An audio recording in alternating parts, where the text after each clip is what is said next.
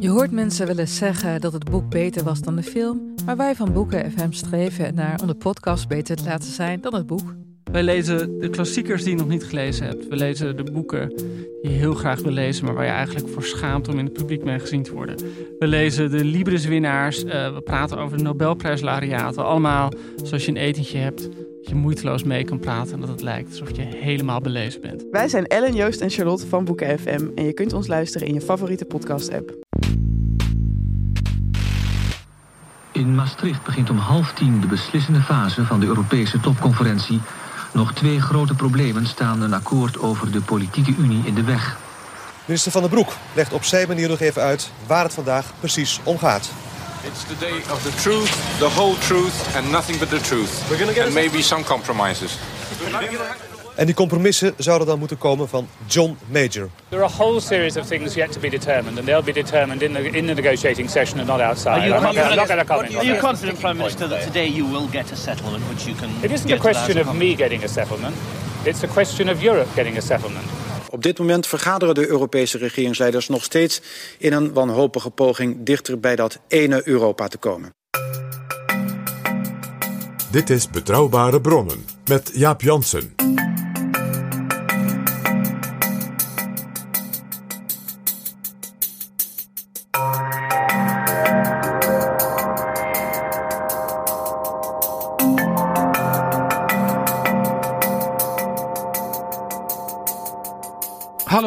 Welkom in Betrouwbare Bronnen, aflevering 378. En welkom ook PG. Dag Jaap. PG, op 1 november 1993, nu dus 30 jaar geleden, ging het Verdrag van Maastricht in werking. En dat was natuurlijk een in alle opzichten uniek historisch moment. Voor Nederland, voor Europa. En nu 30 jaar later zeggen wij ook, in een moderne woord te gebruiken, geopolitiek. Daar gaan we het over hebben, PG. En we gaan het ook een klein beetje hebben over de Nederlandse verkiezingscampagne. En stellen daarbij aan het eind van deze aflevering de vraag: in hoeverre speelt Europa, de Europese samenwerking, een rol in deze campagne? Te meer omdat na 30 jaar er allerlei hele interessante ontwikkelingen zijn. Waarbij je ziet dat de EU als het ware nu voorbij Maastricht aan het groeien is op allerlei terreinen. En tegelijkertijd door zowel de oorlog in Oekraïne als in het Midden-Oosten, als andere grote wereldwijde spanningen, het besef alom is doorgedrongen, misschien dus ook wel in onze Nederlandse campagne, vraagteken, dat de toekomst van Europa misschien wel het cruciale onderwerp is voor elke campagne in elk Europees land. Maar eerst PG, zijn er nog nieuwe vrienden van de show? Jazeker Jaap, die zijn er. Er is allereerst de nieuwe vriend Thanos. En er zijn van Roelof en Theo ook nog losse bijdragen gekomen. Dank jullie hartelijk. Wil jij ons ook steunen met een donatie? Ga dan naar vriendvandeshow.nl slash bb. En er is een mailtje binnengekomen van Jon uit Groningen. Hij schrijft... Ik ben nu ondertussen een half jaar vriend van de show... en ik beluister elke aflevering zo snel mogelijk wanneer ik er de tijd voor heb. Elke keer komen er onderwerpen voorbij waar ik al interesse in had... of anders mijn interesse hebben aangewakkerd. Ga zo door. Dankjewel, Jon. Jaap, mij viel zeer op dit voorbije weekend dat een van onze luisteraars een heel een soort essay schreef over hoe hij keek naar de ontwikkelingen in het Midden-Oosten. Voortbouwend op de editie over Golda Meir. Ja, het was haar een bijzondere soort, leven. Het was een soort recensie plus zijn eigen gedachten daarop volgend. Inderdaad een essay. Waarbij hij zei, het was me door het beluisteren nog veel krachtiger tot me doorgedrongen. Je kunt dit niet begrijpen wat hier gebeurt. Ook de meest vreselijke dingen die gebeuren. Zonder de wortels in historie die dus veel dieper weggaat. Waarbij hij dus ook verwees naar het feit dat Golda Meir als kind in een pogroms in Kiev en in Belarus was opgegroeid. Niels Groeneveld concludeert. PG Kroegers podcastaflevering over Golda Meir staat als een toonbeeld van historische podcasting. Het is nauwgezet in zijn onderzoek, genuanceerd in zijn presentatie en diepgaand in zijn relevantie. Jaap, jij ziet mij blozen. Dankjewel voor die prachtige tekst, Niels Groeneveld. Dit is Betrouwbare Bronnen. Jaap Jansen en Pieter Gerrit Kroeger duiken in de politieke geschiedenis. PG 1 november 1993, dus een belangrijke datum. Maastricht ging in werking. Dat verdrag was natuurlijk tot stand gekomen voor een groot deel rondom de Europese top in Maastricht. Dat werd in die tijd Europa 92 genoemd. Ja, en dat was de vrucht van een zeer intensief proces van eigenlijk volledige herbezinning en vervolgens herformulering van wat de Europese samenwerking eigenlijk was en waar ze als het ware naartoe moest. En centraal daarin stond: wij moeten beginnen. Maastricht was een begin met de ontwikkeling en de vorming en het maken dus van afspraken en regels over wat men noemde de politieke en monetaire unie. Want wat was het besef geworden in de jaren daarvoor? Dat als je een gezamenlijke, lange termijn ook economische toekomst hebt, als Europese economische gemeenschap, dan zul je een gezamenlijke munt moeten ontwikkelen. En een gezamenlijke munt kun je alleen ontwikkelen en stevig houden als je een gezamenlijke politieke en economische politiek hebt. Zowel strategisch lange termijn als bijvoorbeeld dat de verschillen tussen de landen langzamerhand kleiner worden. Ja, die economische en monetaire unie, die is er gekomen. Ik weet nog dat eh, een paar jaar na Maastricht was de Europese top in Amsterdam, waar ook het verdrag genoemd naar Amsterdam uit voortkwam. En daar zijn toen een aantal forse verdere stappen op dat terrein van die muntunie gezet. Ik weet nog dat eh, Wim Duisenberg en eh, Gerrit Salm in het Hotel de l'Europe daarover een persconferentie hielden en daar was ik bij. Ja, dit is heel belangrijk dat je dat zegt. Want dit onderstreept het punt dat het verdrag van Maastricht dus niet een afronding was, maar een begin. En dat had natuurlijk nog een tweede volkomen onverwachte redengeving. En dat was dat in het proces van het maken van het denkwerk en de toekomstige situatie en noodzaken ja, van de verschillende lidstaten naar die politieke en monetaire unie natuurlijk de grootste ja, politieke en ook maatschappelijke revolutie in het naoorlogse Europa kwam, namelijk de val van de Berlijnse muur. En natuurlijk de ondergang van het Sovjet-imperium. Zodat ineens die West-Europese landen die met elkaar samenwerkten, werden geconfronteerd met een compleet nieuw, zeg maar, tweede helft van Europa. Waarvan duidelijk was, die moeten erbij, die willen erbij. En dat betekent een compleet ander soort Europa. Dus niet alleen een ander soort Europa wat betreft de regels die men met elkaar had ontwikkeld. De zes oorspronkelijke landen, toen kwamen erbij. En Ierland, Engeland kwam erbij, Denemarken kwam erbij, de Spanjaarden, de Portugezen. Maar er kwam een compleet, ze hebben half continent bij. Ja. Met Polen, met Hongarije, met de Tsjechen, de Slowaken. En men zag natuurlijk toen al, daar blijft het niet bij. En die verdieping die is deels gelukt toen, maar vooral op dat terrein van die economische en monetaire unie. En dat is op zichzelf natuurlijk in het hoge tempo waarin dit gebeurd is al bijzonder. Want Jaap, een van de meest opvallende dingen, zeker nu 30 jaar later dat we terugkijken, is dat je zegt, wat heeft men dit in een tempo van, ja, eh, ik zal maar zeggen, doelgerichtheid, daadkracht gedaan. Want probeer je in te denken, je bedenkt dus, we gaan een compleet nieuw soort Europese samenwerking eerst definiëren. Dan gaan we het inrichten. Dan gaan we de regels maken. Je moet dus al die landen daar overeenstemming over bereiken. Je moet dus het bedrijfsleven, de boerenorganisaties, de universiteiten, eh, alle maatschappelijke organisaties moeten als het ware zich gaan richten naar die nieuwe manier van werken. Denk eens alle regels op het gebied van de mededinging. Van wat mag wel, wat mag niet. Staatssteun vragen, dat soort dingen. En dat moest allemaal in een soort megaproject van heel complexe dingen. Met een hele serie landen. Die dan ook nog een gezamenlijke lange termijn visie moesten delen. En dan ook nog beseffen. Oh ja, halverwege dat we dit aan het doen zijn.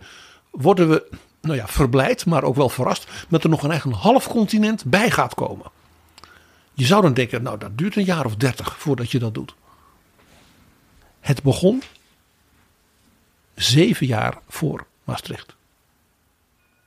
Ja, PG, er werd natuurlijk gekeken, wat hebben we tot nu toe al bereikt en wat hebben we tot nu toe al opgeschreven?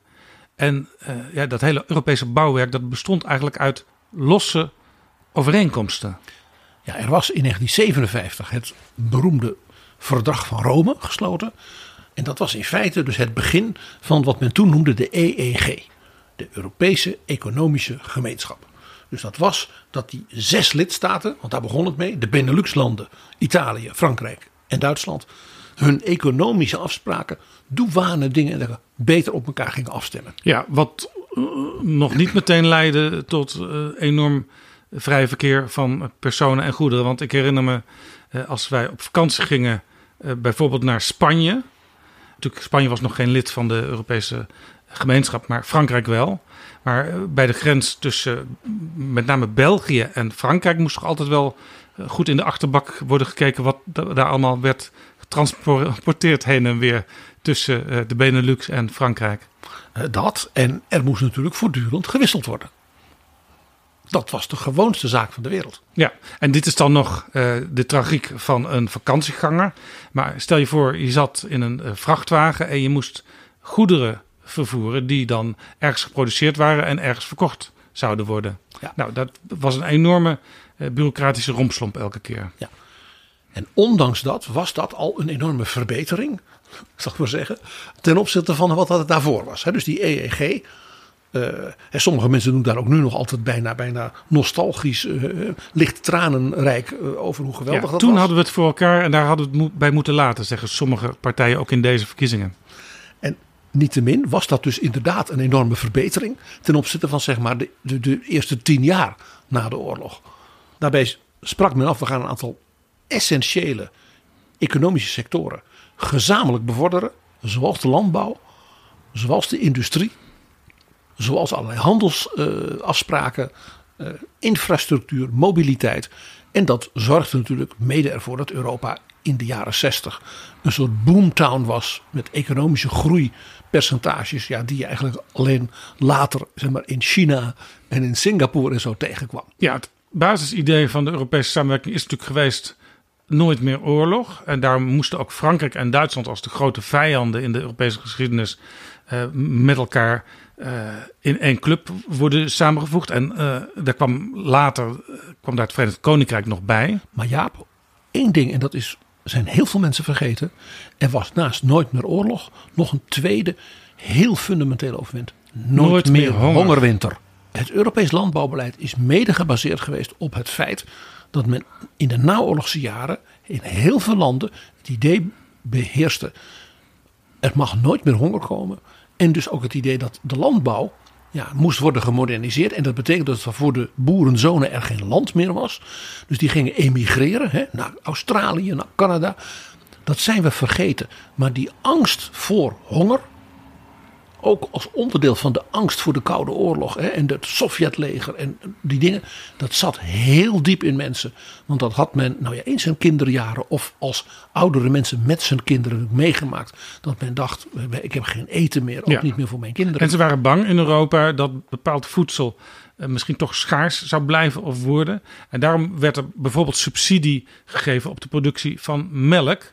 Dat was zo goed georganiseerd dat er een enorme melkplas ontstond. Ja, die angst voor honger leidde dus tot het stimuleren van veel productie. Uh, daarbij betaalbare productie, zodat daarmee ook de loonkosten en de leefkosten van in de wederopbouw dus laag gehouden konden worden. Hetgeen dus die economische groei ook zo enorm aanwakkerde in de jaren 60. En het effect dus dat dus melkplassen, boterbergen, uh, olijfolieplassen, uh, het is er allemaal geweest. En dat was het ironische succes van dat Europese landbouwbeleid. Na de oorlog bleven de lonen gematigd laag. Uh, maar op een gegeven moment ging het economisch zo goed dat vanaf het begin van de jaren 60 de lonen met sprongen omhoog gingen. Ja, men ging dus uh, situaties krijgen dat er bewust relatief laag gehouden beloningen, bijvoorbeeld denk aan ambtenaren, maar wat ook mensen in het onderwijs, mensen in de zorg, dat het ja, een soort inhaaloperaties moesten komen. Omdat mensen met een goede opleiding, en dat kwam in die tijd dat veel meer jonge mensen gingen leren, eh, konden dan als het ware in andere takken van de samenleving veel beter eh, beloonde eh, functies krijgen. Dus toen kreeg je dus de interessante situatie in Europa dat er een soort inhaaloperaties ontstond op de lonen. Dat betekent dus dat mensen ineens veel meer te besteden kregen. Dat wakkerde natuurlijk de consumptie weer aan. Nou, je begrijpt, je kreeg een soort vliegwiel-effect. Ja. Totdat eind jaren 60, begin jaren 70, ook door de oliecrisis, er dus dit tot aanzienlijke inflatie leidde en tot werkloosheid. En dat was waar dus die Europese economische gemeenschap ja, in zijn mechanisme natuurlijk niet op was voorbereid. Die was voorbereid op meer, meer, meer. Eh, nog meer boterbergen, zal ik maar zeggen. En merkte dus ineens dat er een heel ander type economie aan het ontstaan was. Waarin schaarste, zoals dus bijvoorbeeld voor energie, een grote rol speelde. Het is zo actueel als wat, hè, dit Ja. hele verhaal. En toen Nou, zeiden de Europese leiders tegen elkaar: we moeten nieuwe stappen vooruit zetten. Ja, de machine van die EEG die begon dus, die was aan een zekere zin dolgedraaid. Eh bevorderde dus onbedoeld inflatie, overproductie, hè, nou, wat ik zei, eh, boterbergen. En ja, die machine liep vast. En daar werd er de term voor gebruikt, eurosclerose. Ja. En toen zeiden de leiders tegen elkaar: laten we eerst eens even bij elkaar brengen al die dingen die we al geregeld hebben. En analyseren wat daar goed van is en wat er misschien nu verkeerd uitwerkt. Of achterhaald. En of wat er nog moet gebeuren om het te vervolmaken. Ja, en dat is natuurlijk het grote werk geweest. Daar moet je de naam Jacques Delors noemen. Die in 85 aantrad als de nieuwe voorzitter van de Europese Commissie. En die heeft dat eh, opgepakt. En het heel interessante is, daar moet je nog iemand bij noemen. Eh, dat is namelijk de Nederlandse eurocommissaris Frans Andriessen. Die als vicevoorzitter onder Delors eigenlijk de man was die zeg maar, de, de grote lijnen voor hem bewaakte. Dus de, de uitvoeringskanten. En dat was een hele precieze, scherpe eh, eh, eh, manager bijna meer zou je zeggen. Hè, Dan, dan denker. Dat klinkt onaardig. Maar hè, hij moest ook heel scherp denken. Maar hij was heel knap in het sturen van dat hele apparaat. En nog iemand. En het is iemand die is helemaal vergeten. En dat is Lord Cofield. Arthur Cofield. Ja, Arthur Cofield. Eigenlijk een Britse, meer een Britse topambtenaar dan een echte politicus. Hij Ja. was wel politicus geweest, maar was altijd als een top-expert eh, eh, economie, eh, besturing, management. En die was door mevrouw Thatcher uitgekozen als haar eurocommissaris. Want zij ging ervan uit dat hij als Britse aristocraat dus heel kritisch en afwachtend en die Delors en die Andriessen wel een beetje in de touwen zou houden. Ja, dat was ook de angst in Brussel. Hij komt natuurlijk die eurosceptische koers van Thatcher hier versterkt inbrengen. En dat was een man van allure. Eh, hè, dus eh, daar stond wel iemand. Wat gebeurt? Die buitengewoon politiek behendige en, en visionaire Delors. Die dacht, ik ga hem de chef maken van dat proces. Van het dus kritisch doorlichten van alles wat we doen. En het zo slim mogelijk opnieuw in elkaar puzzelen van wat we moeten doen. En wat er misschien nog bij komt. Daar bleek die man dus buitengewoon geschikt voor te zijn. Daar was hij gewoon heel erg goed in. En hij raakte daardoor zo begeesterd. Hij werd zo enthousiast voor zijn klus. Dat wat men ging noemen de act uniek. In het Engels de Single European Act. De eenvormige Europese wet.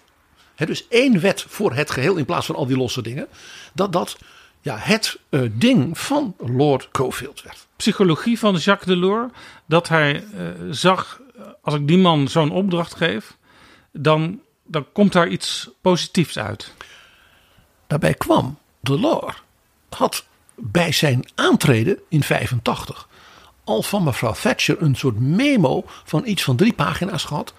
Van zouden we nou niet heel veel van die regels in Europa veel soepeler kunnen doen? Kunnen we dingen niet in elkaar schuiven? En waarop hij zei, ja dat ben ik helemaal met u eens. Waarop zij zei, nou waarom gaat u dat nu niet doen? Ik denk dat Delors doorhad dat Lo- Lord Arthur Cofield de auteur was van dat memo.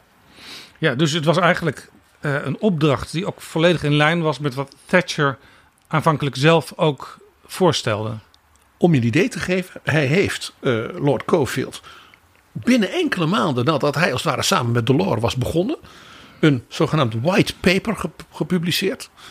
Waarin hij zei: Ik heb nu gerubriceerd uit alle delen van de commissie en uit de lidstaten ruim 300 onnodige barrières voor handel, voor uitwisseling van, van, van, van dingen, van producten, van mensen. Ja, eh, hè, wij zouden zeggen ba- barrières voor vrij verkeer van, van goederen en mensen en diensten. Waarvan hij zei, en eigenlijk kun je bij elk van die 300 in goede afstemming met bijvoorbeeld het betrokken bedrijfsleven eh, een, nou ja, een timetable, zo hij zei, maken om daar vanaf te gaan. Ja, en die timetable, eh, de bedoeling daarvan was dat in 92, als er dan zo'n nieuw verdrag zou komen, dat eh, eigenlijk al die barrières waren opgeruimd. Ja, dus wat het mooie hiervan was, was dat, dus, dat dat niet alleen dus een soort visionair idee had. We gaan al die bestaande en wat vastgelopen verdragen ineens schuiven. Een modernisering en flexibilisering van wat niet meer nodig is eruit. En tegelijkertijd wat dus die Lord Cofield deed met die ruim 300 barrières en timetables. Iedereen kon dus heel praktisch aan de slag. En je kreeg dus ook zoiets dat elke sector natuurlijk naar de ander keek van waarom lukt het hen wel die timetable snel te doen, ik noem maar eens wat in het vrachtverkeer. En waarom lukt het nou niet bij bijvoorbeeld de, de connecties tussen havens? Dat moeten we beter doen. Dus er ontstond een soort positieve rivaliteit binnen de lidstaten hè, en met Brussel samen om het dan ook te doen. Je begrijpt Jaap, dat effect hiervan was. Dit was natuurlijk meteen ook een zoals je ook zei, psychologisch een eind aan die eurosclerose. Waarin iedereen zegt, ja, we lopen vast, het beweegt niet meer. Ineens kwam er dus een enorme hoeveelheid dynamiek. Mevrouw Thatcher was in het begin, laat ik zeggen, uh, enigszins verrast over haar eurocommissaris. En daarna was ze eigenlijk wel blij, want ja, dat weghalen van al die barrières, dat was natuurlijk helemaal hè, in de Thatcheriaanse gedachte. En ja, ze kon natuurlijk Delors natuurlijk moeilijk verwijten dat hij nou juist deze Brit deze klus had laten doen. Hè, waarbij dan die Nederlander, die Frans Andriessen in de rest van de commissie, als het ware al die timetables en de werkwijze daarvan uitzetten en bewaakten. Dat is heel interessant als je boeken leest over die European Single Market en uh, die Act Uniek, zoals dat zo mooi heet. Uh, dan zie je dus het enthousiasme van Thatcher in die boeken, ook in de wetenschappelijke boeken, terug. En dit was dus de voorbode, hoewel ze dat op dat moment nog niet zo wisten van wat uiteindelijk het verdrag van Maastricht werd in 1992. En het verdrag van Maastricht betekende dat de Europese Unie werd opgericht als opvolger van de Europese gemeenschap. Dus de mensen die nu zeggen, uh, die Europese gemeenschap, dat was eigenlijk het prachtigste wat we hadden. En uh, alles wat Thatcher ooit gedaan en gezegd heeft, dat is ook allemaal geweldig. Dat hadden we, dat hadden we ook moeten doen als Nederland. Uh, die hebben in ieder geval historisch geen gelijk. Uh, die vergissen zich een beetje, zal ik maar zeggen. Uh, om je een idee te geven, wat ik zei al, wat zo opvallend was in dit proces, is het enorme tempo. De beeldvorming van dat Europa één grote logge bureaucratie is. Nou, misschien is dat af en toe wel eens. Hè? Maar als het erom gaat, als het echt om de fundamentals gaat, niet. Iets wat we bijvoorbeeld ook in de pandemie en nu rond Oekraïne ook weer zien. Om je een idee te geven. Delors trad dus aan met zijn commissie, met Andriessen, met Lord Cofield in 1985-86. De act uniek werd in 86-87 geformuleerd. Het verdrag om dat te gaan doen, hè, dus waarbij als het ware de commissie de opdracht kreeg dit helemaal gaan doen, werd getekend door de lidstaten in Luxemburg, want dat was toen voorzitter van de EU, op 17 februari 1986. En toen werd dus gezegd, we gaan dus dat, die act uniek, met dus die nieuwe Europese gemeenschap, die gaat dus in per 1 juli 1987. En toen was, uh, waren de Britten aan de beurt voor een half jaar. En heeft dus dat gebruikt om op de top in Londen, als het ware, nog weer een extra zwiep te geven aan dat proces. Van het schrappen van al die barrières en eigenlijk al die dingen van Lord Cofield. In het concept van Delors. En Jaap, zij heeft toen het Europees Parlement toegesproken in Straatsburg. En het slot van die speech, die moet je beluisteren. Want je gelooft bijna niet dat het Margaret Thatcher is die met deze indringende en ook zelfs visionaire woorden over Europa spreekt tot dat parlement. En eigenlijk daarmee tot dus ook de bevolking en alle lidstaten. And let us never forget that the aftermath of war produced two great ideas which have shaped our destiny ever since. One was the NATO alliance, the other, the European community. Margaret Thatcher in het Europees Parlement in Straatsburg. En heel interessant, PG. Thatcher vertelt waaraan zij onder meer haar inspiratie ontleende. Mr. President, I shall conclude by quoting some words from a remarkable speech by President von Weizsäcker to both houses of parliament in London earlier this year.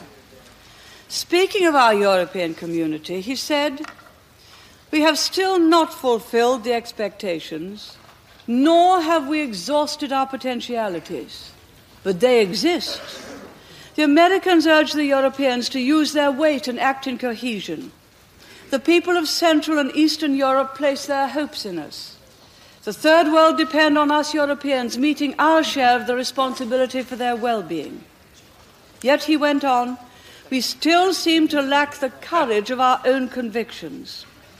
But if we really take our convictions seriously and think of our children's future, why shouldn't that courage come? Mr. President, it is a mark of how far we have come within Europe that a British Prime Minister should stand before the European Parliament and use the words of a German President.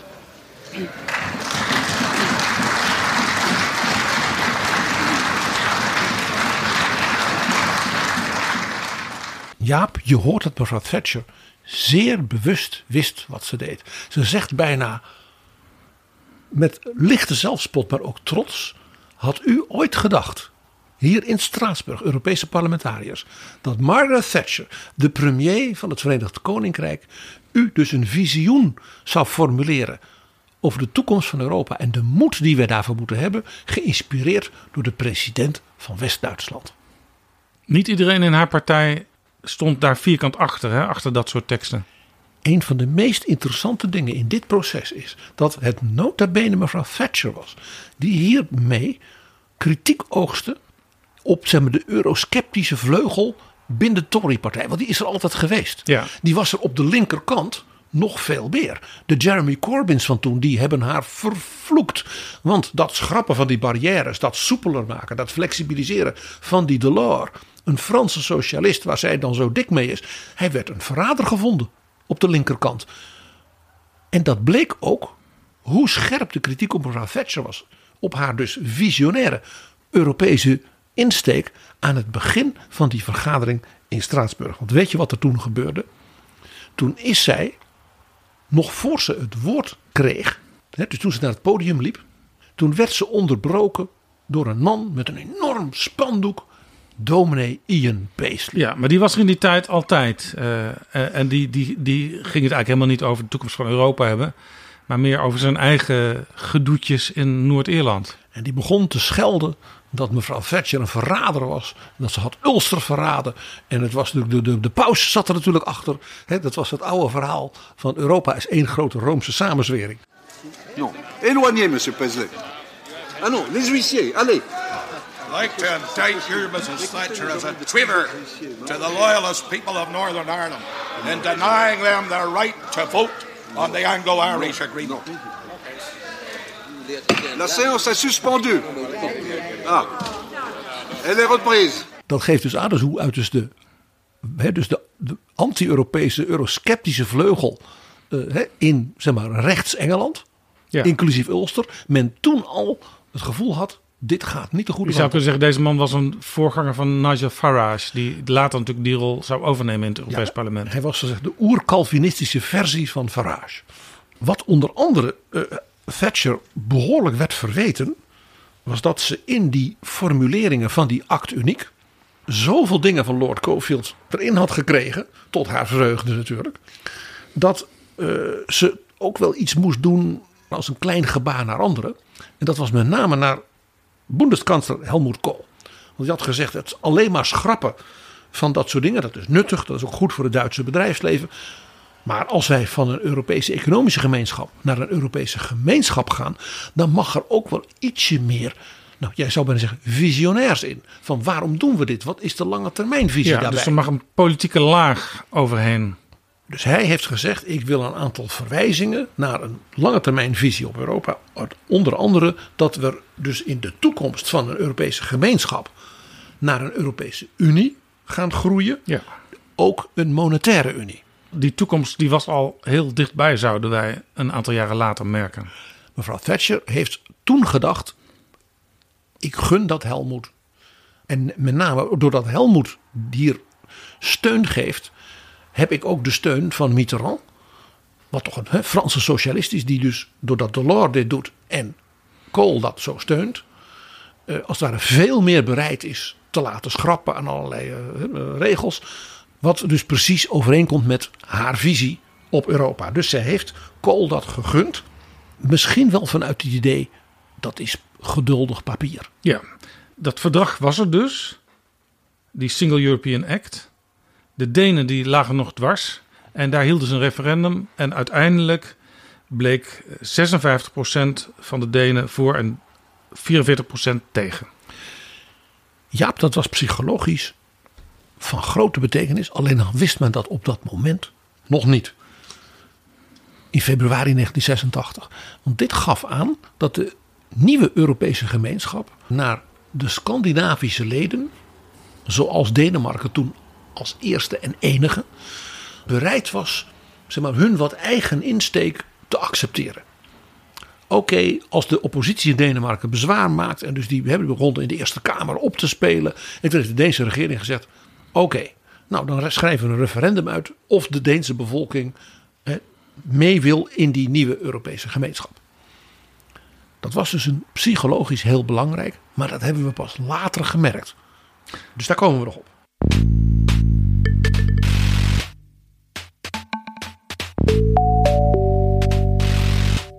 PG. Tegenwoordig, en zeker ook in deze verkiezingscampagne, hoor je heel vaak zeggen: uh, ja, we zijn te ver doorgedraaid in het neoliberalisme in Nederland, in Europa, in de wereld. Daar moeten we vanaf. Er zijn wel mensen die redeneren: ja, Europa is eigenlijk een voorbeeld van dat doorgeslagen neoliberalisme.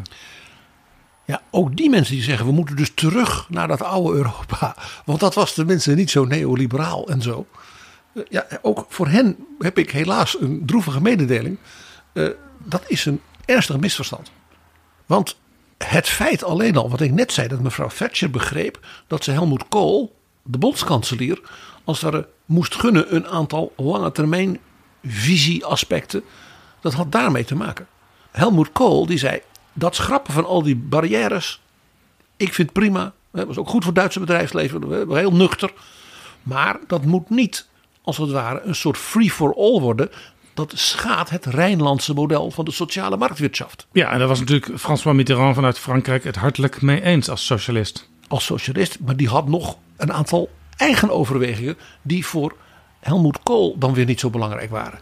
En het buitengewoon interessant is als je kijkt naar die act uniek en de werkwijze die op grond daarvan mogelijk werd naar de interne markt in 1992, dat Delors daar in feite drie fundamenten in had gebouwd. Die alle drie dus in zowel die act uniek als later in wat we dan het verdrag van Maastricht zijn gaan noemen, dat dan nu 30 jaar geleden in werking trad. Het eerste was dat Delors zei: Kijk, met alle waardering voor mevrouw Thatcher. Maar die act uniek is geen Reaganesque uh, ding. Dat past niet bij Europa. Dus ja, wij zijn voor een vrij verkeer van, van goederen, mensen en diensten. Daar gaan we ook echt helemaal naartoe. Maar dat gebeurt niet op zeg maar roofkapitalisme. Om het maar even heel hard te zeggen. Hij zei: Ik heb groot respect voor mevrouw Thatcher en ook groot respect voor Ronald Reagan. Maar dat is niet Europa. Dus hij zei: We gaan een aantal fundamentele verbeteringen doorvoeren. Waarvan je van u mag zeggen: Dat doet wel een beetje aan Reagan denken. Het schrappen van al die barrières. Ja, ja zei de Lord, dat mag. Maar we doen meer. We doen daarbij hele duidelijke afspraken dat als je dat vrij verkeer hebt dat iedereen daarbij met elkaar afspreekt dat je bijvoorbeeld sociale rechten, gezondheidsrechten, minimum dingen ten aanzien van werkloosheid, van zelfs het aantal uren dat mensen de week mogen werken. En elk land in Europa had dat natuurlijk allemaal voor zichzelf geregeld. Delors zei dat is ook zo. Daar groeien we samen naartoe en dan maken we afspraken ja, over. Zodat je uiteindelijk, dat is nu aan de orde in Europa, ook bijvoorbeeld praat over een Europees minimumloon. Dus dat hele idee van die sociale pijler onder zeg maar, het vrije economische uh, verkeer in Europa. Dat komt uit de act uniek direct van Delors. En je ziet elke keer, dus om de zoveel jaar, is er wel weer een voorzitterschap. Zoals heel onlangs het Portugese voorzitterschap. Dat juist in die coronatijd en bij het uit de coronatijd komen zijn, mogen we dan nu na hele zware klappen, ja, voor het bedrijfsleven, maar ook voor mensen en voor de gezondheidszorg, de sociale pijler weer even opfrissen en nog weer even goed naar kijken of die in deze tijd, bijvoorbeeld ook met de grote jeugdwerkloosheid in zuidelijke landen, nog niet wat extra aandacht verdient. Ja. Dat komt dus omdat dat intrinsiek, zeg maar vanaf dag nul, door Delors in die nieuwe Europese gemeenschap en daarmee ook als basis in de Europese Unie is gelegd. Een tweede ding, dat was heel interessant. Daarin zag je dat Delors een Fransman was. En daarom dat dus Mitterrand ook meeging ja, met Kool en zijn benadering. Als zelfs ook dus met Thatcher en een klein beetje Reagan. En dat was, hij zei kijk, Europa heeft dus al die nationale uh, economieën. Die gaan we dus nu met elkaar veel meer verbinden tot één geheel. Dat betekent dat dingen als handelsbeleid, uh, industriepolitiek, uh, lange termijnvisie van hoe gaan we de nieuwste kennisontwikkelingen voor heel Europa bij elkaar brengen. En als we het brengen naar onze fabrieken, naar onze universiteiten, naar onze RD-instellingen. Dat was daarvoor allemaal niet. Dus dat logische idee van alles wat we al hebben, dat brengen we met elkaar in lijn. We gaan heel veel belemmeringen schrappen, waar iedereen uiteindelijk vrij makkelijk voor te vinden was. Dat werd nu gekoppeld in deze toekomstvisie aan allerlei zijstraten, zijwegen, viaducten, bruggetjes. Zodat er een heel bouwwerk ontstond van een nieuwe Europese economie. Wat dus niet meer nationaal zou kunnen dan? Bijvoorbeeld lange termijn investeringen in hele grote ja, kennisprojecten, R&D en dergelijke. Dat kan een land als Denemarken niet meer in zijn eentje. En er zijn zelfs dingen, denk aan de ruimtevaart, die ook Frankrijk, en dat wist Mitterrand best. De Gaulle was er wel mee begonnen. De Duitsers waren er zelfs nooit aan begonnen, want dat mocht niet vanwege de Tweede Wereldoorlog afspraken. Maar dat betekent dus als je in ruimtevaart iets wilde doen, dat moest je Europees gaan doen. En dat was natuurlijk iets wat de Fransen prachtig vonden. een beetje collectieve industriepolitiek. daar werd wel gezegd, hier zag je dat Delors een echte Fransman was. Ja, Want hij is een beetje een mercantilist. Het is een beetje een colbertisme uit het Frankrijk van de 18e eeuw. Het is heel interessant. In Nederland hadden we uh, de RSV-affaire. Dat was de enorme staatssteun voor de scheepsbouw. Dat was op een gegeven moment helemaal uit de hand gelopen en vastgelopen. Daar is een parlementaire enquête over geweest. Toen besloot Nederland, uh, wij gaan grote staatssteun aan industrieën, dat gaan we afschaffen. Maar vervolgens werd vanuit Nederland ook gekeken naar een land als Frankrijk van, hé, hey, daar doen ze dat nog wel. En als je eigenlijk één Europa wil hebben waarin je economisch samenwerkt, dan moeten individuele landen dat niet meer doen. Dus dat werd wel ook een beetje het vingertje richting een land als Frankrijk van hou daar eens mee op. Wij doen het ook. Dan wel, als we het doen, doen we het gezamenlijk. En die discussie die is nu in 2023 voluit bezig. En die zal ook de komende jaren en zeker ook het komend jaar in het kader van de Europese verkiezingen ook vaak gevoerd gaan worden. Van moeten wij in de concurrentieslag met de Verenigde Staten, met China, met andere uh, delen van de wereld, uh, niet een aantal Europese industrieën extra helpen, zodat ze een stevig fundament hebben in de wereldeconomie. En daar is interessant genoeg al heel wat jaartjes geleden mee begonnen. En dat is geweest door Herman van Rompuy als de eerste president van de Europese Raad. Die zei, geïnspireerd op dit aspect, dus dit tweede aspect van dus die fundamentals die Delors formuleerde. Dat is, wij moeten, dat noemde hij flagship programs hebben. Van heel nieuwe ontwikkelingen in de technologie en de economie. Bijvoorbeeld de ontwikkeling van, de, van stoffen als grafeen. Hij zegt, geen land kan dat in zijn eentje. En als we elkaar daarin gaan zitten beconcurreren als EU-lidstaten met onze universiteiten en onze R&D-instellingen, dan zijn we natuurlijk enorm verspillend bezig en blijft het waarschijnlijk allemaal te klein. Dus het is heel interessant. Je ziet dus dat, dus dat bijna zeggen, Reaganeske element van het schrappen van, die, van die barrières gekoppeld werd met, maar dan moet je wel sociale, uh, die sociale pijler hebben. Dat niet sommige werknemers in sommige delen van Europa daar als het ware, nou ja, zoals in Amerika, in tot in de armoede komen. Dat willen we niet.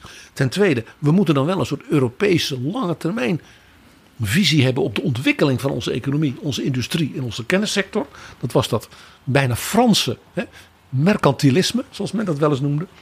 En het derde was dat men zei: ja, je moet dan wel die verschillende nationale economieën dan ook de ruimte geven. Dus die markten moeten als het ware gedenationaliseerd worden. Dan moeten er echte Europese markten gaan ontstaan op allerlei terreinen van de economie. Ja, dat proces dat verliep dus gezwind. Maar toen kwam de val van de muur in 1989. Men was dus midden in dit proces, hè, dat dus was ingegaan in 1987. Delors heeft in Europa op een aantal plekken dit verhaal, ook van die drie elementen, gehouden. Daar ontstond toen een flinke discussie over, ook met mevrouw Thatcher. En midden in die discussie viel de muur. Dus die discussie is ook op dat moment in zekere zin inhoudelijk opgeschort geraakt. Het risico was dus dat die enorme reorganisatie van Europa, eh, dat die tot stilstand zou komen. Ja, het eerste menselijke reactie van ja, die gebeurtenissen, de val van de muur in Berlijn, de ondergang van de regimes in Polen, Tsjechoslowakije, Hongarije, Bulgarije. Denk ook aan de, de bloederige einde, de enige echte bloederige einde in Roemenië. Ook Joegoslavië, wat in die tijd ook speelde, waarbij dus toen nog niet beseft werd dat het daar ook heel erg fout zou gaan. En natuurlijk de allergrootste van allemaal, de Sovjet-Unie zelf. Daarbij werd niet alleen besloten tot het opheffen van de zogenaamde Comecon. Weet jij dat nog, Jaap? De Comecon. Dat was het alternatief dat het Kremlin had bedacht voor de EEG. Feitelijk was dat een groot ruilhandelsysteem, omdat men binnen die Comecon, dus tussen, zal ik maar zeggen, uh, Polen, eh, Bulgarije en met name de Sovjet-Unie, dat men zo min mogelijk met valuta wilde ja, werken. Dat was dus heel ingewikkeld om bijvoorbeeld, om te beginnen al de DDR bij Duitsland te betrekken. Wat deed Delors? Die dacht: ik stuur een van mijn knapste koppen naar de onderhandelingen over hoe die twee landen in elkaar moeten worden geschoven. Dat was een Nederlander. Carlo Trojan, die bij ons te gast is geweest in Betrouwbare Bronnen 135. En het adembenemende verhaal heeft verteld. Hoe hij in opdracht van Delors, die zei: Carlo, jij gaat dat doen in een soort duister pakhuis moest hij een zwarte kat zien te vinden. Dat was het eigenlijk. Hoe gaan we dus een complete economie, een communistische economie, de, de Duitse Democratische Republiek, als we in één keer laten instappen in die Europese gemeenschap. Waarbij hij onder andere ontdekte, dat was het, was het niet iets van drie vrachtwagens vol handelsverdragen van de DDR met ongeveer elk land in de derde wereld. Eh, die op geen enkele manier EG-conform te maken waren. Dat was dus heel verstandig van Delors dat hij Carlo Trojan daar in Berlijn neerzette. Maar had daar ook mee te maken de gedachte bij Delors uh, dat misschien dat hele plan van die Single European Act en uiteindelijk kwam er natuurlijk het verdrag van Maastricht uit voort. Dat dat wel eens vertraagd of misschien tot stilstand zou komen als niet op alle schaakborden tegelijk een krachtige hand van Europa aanwezig was. Die actie met Carlo Trojan is een van de grootste politieke gokken geweest van Delors in deze periode. Want Delors heeft ingezet op we gaan eerder versnellen nu die act uniek op weg naar die Europese Unie en een nieuw verdrag dan vertragen. Want we zullen die nieuwe landen in Oost-Europa nog veel sneller dan we hadden gedacht een helder perspectief moeten laten zien. Hier kunt u naartoe groeien met ons samen. Omdat anders die landen misschien wel alle kanten op kunnen gaan. En niemand wist natuurlijk op dat moment wat er zou gebeuren in het Kremlin. Wat er met Gorbachev zou gebeuren. Nou, dat hebben we gezien wat er met Gorbachev is gebeurd. Dus Delors die zei, als wij nu als daar gaan zeggen, ja, de val van de muur, ingewikkeld, de DDR erbij, wat moeten we met Polen, met die Tsjechen. Nou, laten we nou die, dat Europa 1992, de interne markt, maar eens vijf jaar uitstellen. He, dan hebben we even rust. Dat gebeurde dus niet? Dat gebeurde niet. De Delors heeft toen in Straatsburg in december 1989. Dus hij had er nauwelijks twee weken over kunnen nadenken. Wat ga ik nu doen? Die beroemde speech gehouden dat hij zei. Ja, de mensen in Oost-Europa hebben nu, doen nu iets waar we altijd voor hebben gedroomd. Dat er voor hen vrijheid komt. Dan moeten wij als West-Europa ook laten zien dat ze welkom zijn. Dat we men, hen daarin voluit willen steunen. En daar hebben we gelukkig dat concept van Europa 92 voor. Toen had hij die prachtige one-liner Waarbij hij zei in het leven van elke politicus helpt soms het geluk, maar moet altijd. La chance parfois, le courage toujours. Dat klonk goed. Maar als natuurlijk al het bij die overgang in Duitsland van de DDR naar een nieuw Duitsland in dus dat verdrag van de Wiedervereniging die zaak helemaal als het ware uit, de, uit het lood zou lopen. Dat men zei nee dat kan niet helemaal. Daar, daar moeten we misschien inderdaad wel vijf jaar over doen. Dan en, was natuurlijk het gevaar daar dat iedereen zei dan moeten we dat helemaal maar doen. En er gebeurde meer. Hè? Eh, de val van de muur in 1989 die zorgde ook voor een verandering in de houding van Margaret Thatcher. Weet je nog het gesprek dat wij hadden met Timothy Garton Ash? Dat mevrouw Thatcher in Checkers, haar buitenhuis, een aantal van de belangrijkste denkers over Europa, waaronder de beroemde Duitse geleerde Frits Stern, die nu in Amerika zat, maar ook de toen heel jonge Timothy Garton Ash, die mocht ook komen. En dat ze zei van, ja, hoe moet dat nu? Want dat Duitsland wordt nu heel groot. En dat gaat dus in dat nieuwe Europa, wat die Delors aan het maken is, gaat dus Duitsland domineren. En dat is niet wat in het belang van de Britten. Dus wij moeten dat gaan tegenhouden. Want Kool, straks heel groot en sterk en machtig. Die heeft al die landen in Oost-Europa. Daarvan dachten de Britten die gaan achter Duitsland aanlopen. En ja, hij werkt al op één lijn altijd met Mitterrand. Wij als Britten worden in dat nieuwe Europa gemarginaliseerd. Ja, en uh, iemand die daar wel begrip voor had, voor die redenering, was Ruud Lubbers, de Nederlandse premier. Die probeerde Margaret erbij te houden, zoals dat heette. Uh, jij weet nog dat Timothy Garton echt zo prachtig vertelde. Dat een van de meest uh, beroemde Britse historici, mevrouw Thatcher, toen heel persoonlijk heeft toegesproken. En dat ze toen zei: All right, all right, I get the message. I'll be very nice to the Germans. dat gaf dus aan dat mevrouw Thatcher om eigenlijk nationaal politieke statusredenen ineens wegbewoog van haar voortdurende uh, uh, support en aanjagen van die ontwikkeling zoals Delors die in gang had gezet met Lord Cockfield. Ja, en niet iedereen in haar achterban was daar blij mee. Bijvoorbeeld Michael Heseltine, de minister van Buitenlandse Handel. Die schrok, want die dacht, hé, hey, daar gaat dat hele project wat voor die buitenlandse handel juist zo van enorm belang is. Hij was een groot voorstander juist van dat, zeg maar, wat Franse mercantilisme van, van Delors. Dat je in die samenwerking een soort Europese industriepolitiek kunt doen. Want hij zei, wij kunnen, nu dat wij met mevrouw Thatcher die Britse industrie hebben gesaneerd. Een enorme sprong maken als het ware door die Britse industrie. Denk aan de, uh, de vliegtuigbedrijven en dergelijke. Die kunnen dan Europese voortrekkers worden. Ja. Samen met bijvoorbeeld de industrie in andere landen. Ik zeg trouwens buitenlandse handel, het is, het is breder. Hè? Hij was van trade and industry. Dus eigenlijk uh, economische zaken en alles wat daarbij zit. En dat was de reden waarom hij dus voor die zeg maar, lange termijnvisie van dat aspect binnen het plan van Delors was. Ja, en hij was ook uh, een van de mensen die gingen zagen aan de stoelpoten van premier Thatcher. Dat betekende haar ondergang. En toen kwam er dus een nieuwe premier en dat ja. was John Major. Michael Heseltine had zelf nog uh, geprobeerd premier te worden. Dat lukte niet. Vaak gaat dat zo. Hè? Iemand zorgt voor de grote stoot, maar die mag het dan niet zelf gaan doen. En daar kwam de zoon van circusartiesten John Major. Iemand met een zeer ongebruikelijke achtergrond om premier te zijn van de Tories. Maar dat gold in zekere zin natuurlijk voor mevrouw Thatcher net zo. Ja, en in tegenstelling tot wat je zou verwachten bij, bij de zoon van circusartiesten. Hij zelf uh, was uh, niet zo flamboyant als Thatcher. En ook niet zo revolutionair als Michael Heseltine. Hij was eigenlijk een soort van ja, doorknoper als je hem zag verschijnen. Hij had een heel hoog Jan-Peter Balkenende gehalte.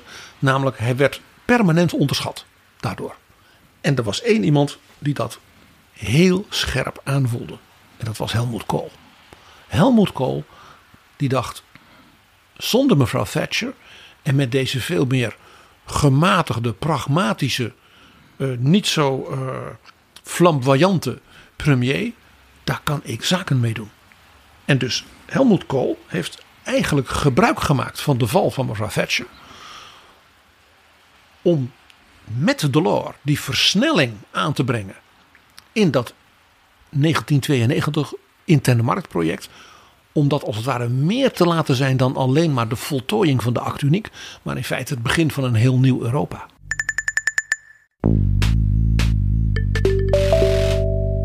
Dit is Betrouwbare Bronnen, een podcast met betrouwbare bronnen.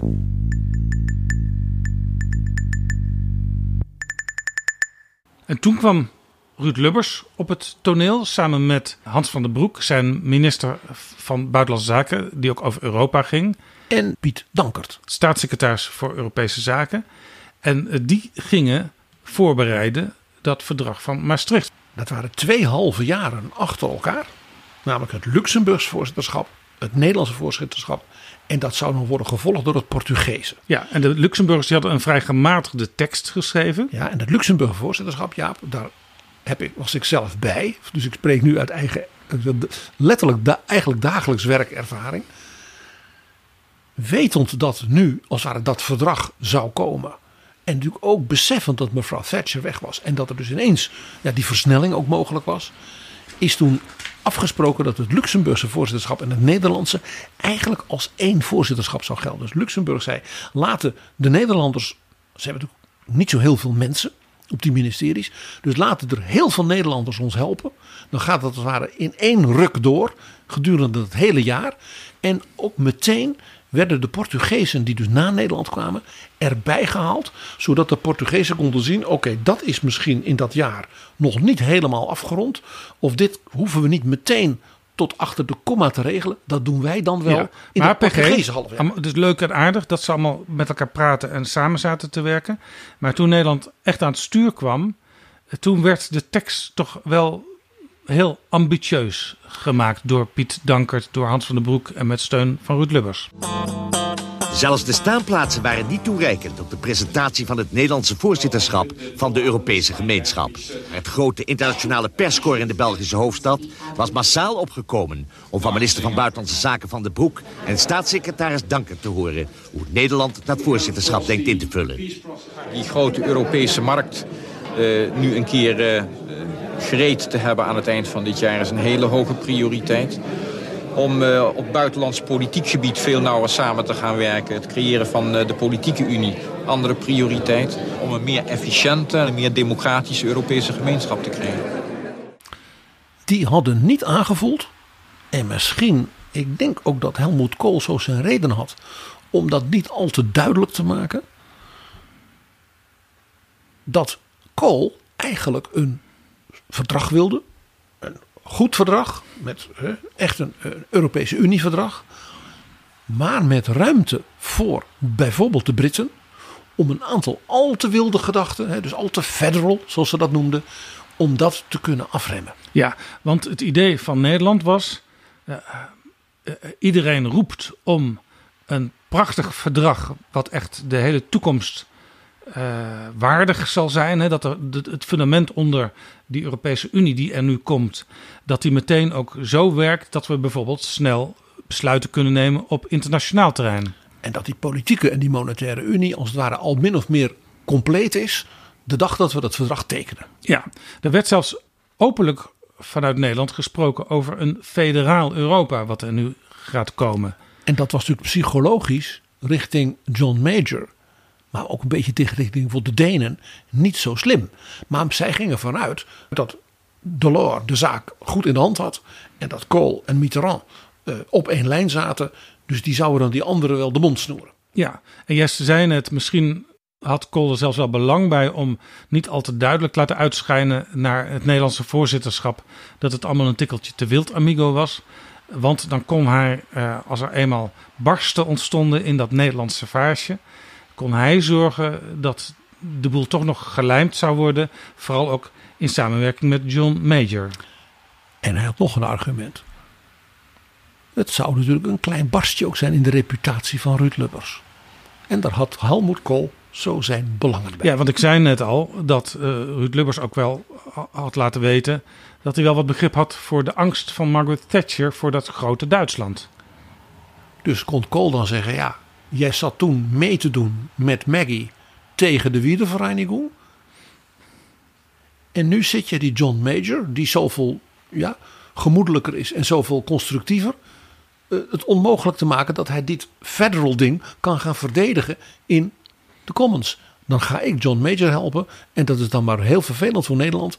Maar dan, dan hebben jullie maar een barst in je reputatie. Voorafgaand aan de top in Maastricht kwamen de ministers van Buitenlandse Zaken bijeen, die in Europa altijd praten, en zeker in die tijd, over de grote stappen voorwaarts. En wat gebeurde er? Het concept van het Nederlandse plan werd massaal weggestemd. De zogenaamde Black Monday, zoals men dat noemde. Ja, zoals Lubbers zei, Black Monday. Zwarte maandag. Dus in, in, in Den Haag, ja, daar zaten ze in zak en as. Maar niet in Bonn. Want dit was natuurlijk een tussenstation waarmee Helmut Kool tegen zijn nieuwe vriend in Londen kan zeggen: Kijk eens, John, ik heb jouw positie beschermd.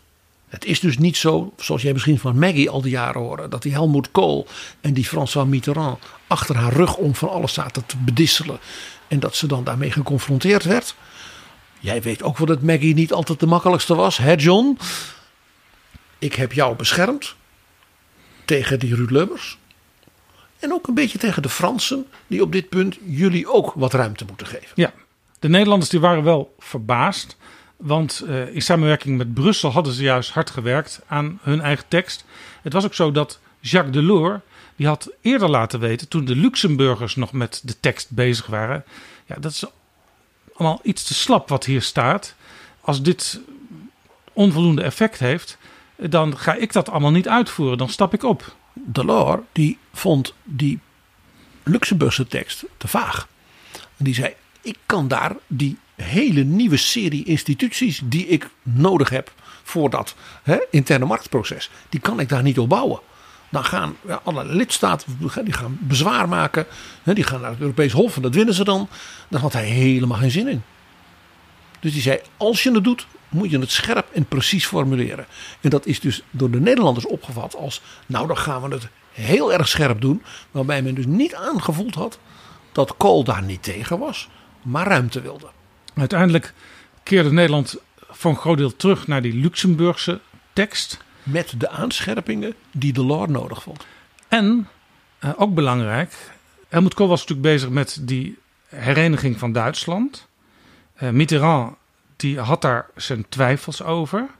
Maar Mitterrand had wel iets anders wat hij graag wilde.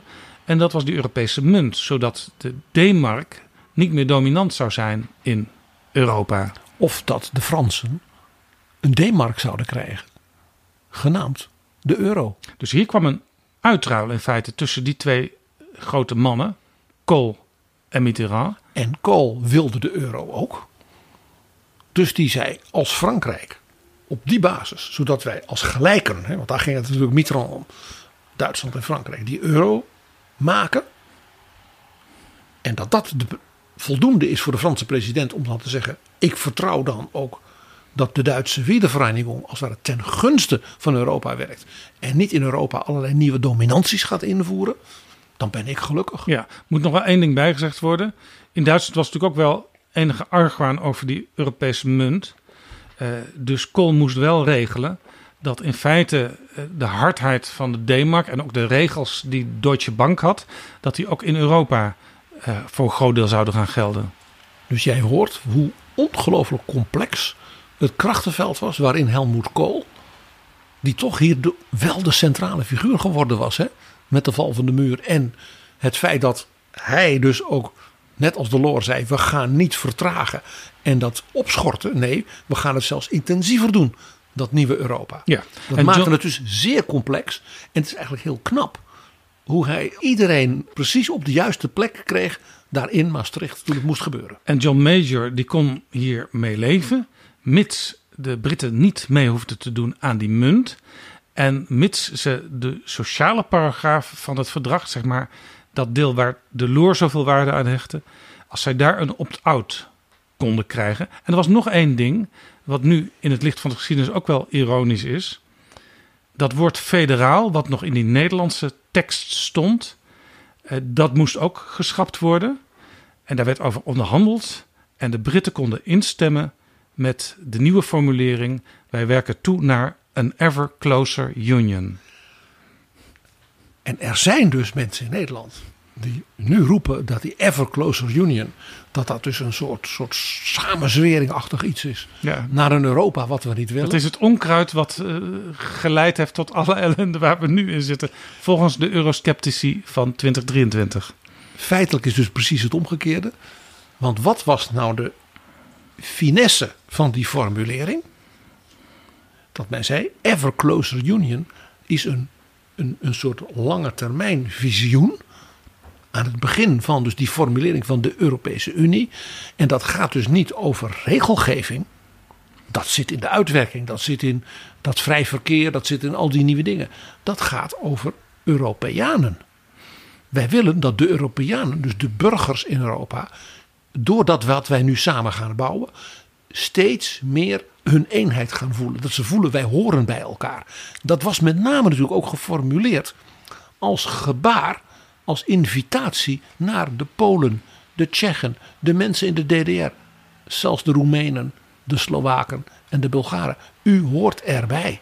Dat is in feite wat daar staat. Ja, eh, ook al komisch. In die dagen hadden ze het vaak over een driepijlerstructuur. Uh, er waren drie pijlers. De economische samenwerking was de eerste. De tweede was samenwerking op het gebied van eh, buitenlandbeleid en veiligheid. En de derde was samenwerking op het gebied van justitie en politie. Daar stond dus ook vaak een Grieks stempeltje bij getekend als men het daarover had. En wat is tegenwoordig het logo van Vorm voor Democratie? Dat is zo'n Grieks stempeltje. Ja, of je kunt ook te ver gaan met je esthetische uh, interpretaties van het verdrag van Maastricht. Maar ik vind het mooi. Ik wil op een paar dingen nog zeg maar, in de context hiervan wijzen, die men vaak vergeet. Want mevrouw Thatcher die was toch zo kritisch en die John Major die was zo coöperatief. He, met een enkele opt-out, maar dat gunde men hem. Men zei ook dat dat niet meteen meedoen met die monetaire unie betekent ook helemaal niet, zei hij, dat we nooit zullen meedoen. Nee. Maar de pond sterling en de hele positie van, van de city is zo complex.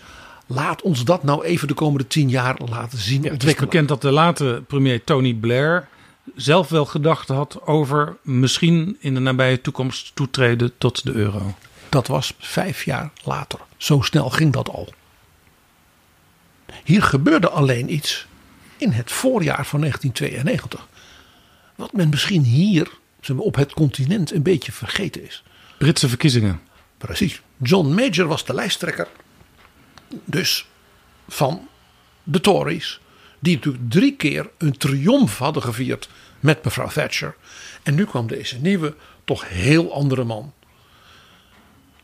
En de peilingen en iedereen zei: ja, nu is men het na zoveel keer de Tories. En met het vertrek van mevrouw Thatcher. En ook het gevoel dat die partij bijvoorbeeld rondom Europa niet helemaal eensgezind meer was. De kiezers gaan uh, nu een nieuwe weg inslaan. Wie was zijn tegenkandidaat? Van Neil Kinnock. Die later eurocommissaris werd. Labour-leider Kinnock, die, nou die peilingen waren zo gunstig. Die liep op vleugeltjes. En jij weet hoe onverstandig dat is. Dat geldt ook voor lijsttrekkers nu in Nederland. Als de peilingen roepen, jij kunt bijna niet meer verliezen, dan moet je extra zelfkritisch worden. Neil Kinnock maakte die fout. Hij was niet zo zelfkritisch, dat heeft hij ook daarna altijd eerlijk toegegeven. En John Major won volkomen onverwacht. Eigenlijk in de laatste vier, vijf dagen was er een soort wending, omdat dus de Britten zeiden, maar hij is toch een decent chap. En hij heeft het toch eigenlijk heel goed gedaan naar mevrouw Thatcher. En hij brengt wat rust.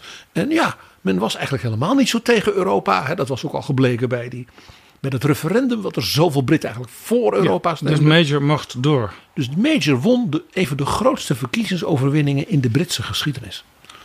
En dat maakte dus dat hij een mandaat had om in Maastricht dan ook te zeggen: onder die voorwaarden doe ik mee. Dat is nog een belangrijk punt waar ik op wil wijzen. Het feit dat dus men dus de Denen wat ruimte had gegeven voor wat eigen Scandinavische benadering. Met zo'n referendum en dergelijke bleek nu psychologisch van de grootst mogelijke betekenis. Want de muur was gevallen en dat betekent natuurlijk dat die Sovjet-Unie was weg.